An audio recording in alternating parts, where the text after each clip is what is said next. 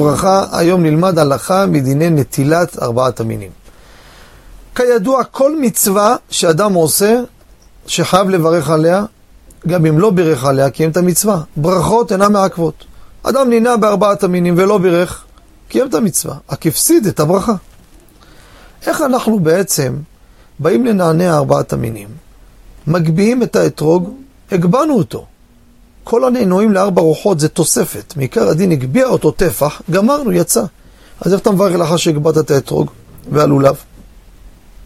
אז יש פה שלושה דרכים איך לפתור את הבעיה. ואני אתן את הדרכים, הדרך הכי טובה ביותר בהלכה, וכן בסולם הולך ויורד.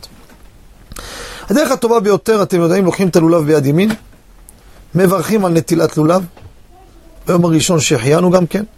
לאחר שסיימנו את הברכה, אז לוקחים מהשולחן את האתרוג ומצמידים ללולב ומתחילים לנענע.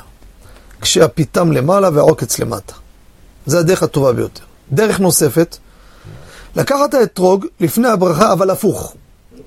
ואז בסיום הברכה, הופך אותו בחזרה, שיהיה דרך גדילתו, כדרך גדילתו. דרך נוספת, פחות טובה, לכוון שאני לא יוצא ידי חובה בהגבהה הזו, עד לאחר הברכה. אבל הדרך הטובה ביותר, כמו שאמרתי, לברך לאחר מכן, לא אפשר להחזיק ביד, כי עדיין אין את כל ארבעת המינים. בסיום הברכה, או ביום הראשון הברכות, אז מגביה את האתרוג, מצמיד אותו, ואז מתחיל את הנענועים לפי ארבע רוחות העולם, כל אחד כמנהג אבותיו. תודה רבה וחג שמח.